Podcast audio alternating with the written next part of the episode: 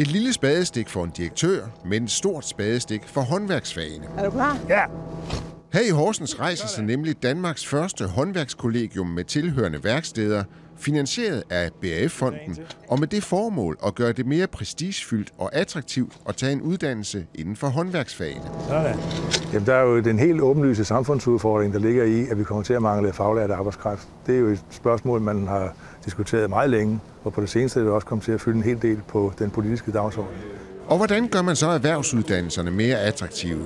Ja, det kan man for eksempel gøre ved at lade kollegiet være mere end bare et sted, hvor man sover og varmer sin pizza op. Det er også et sted, hvor vi håber, der kan blive skabt en ungdomskultur.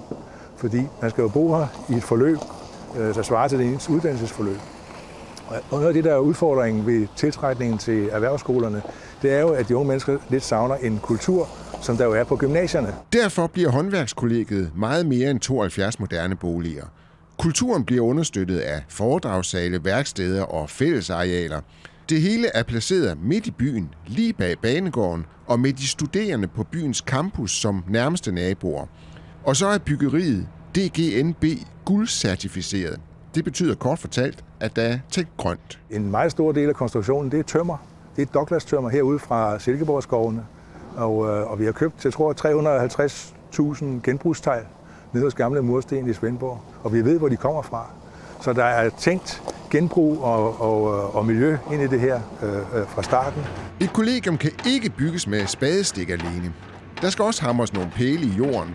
Og den første til at gøre det var som end byens borgmester. Jamen, vi er stolte i dag. Øh, men det har vi været et stykke tid over det her. Altså Horsens byggeriet har fyldt historisk i Horsens. Øh, der har været flere generationer murer og tømmer og, og en lang række- andre håndværksfag.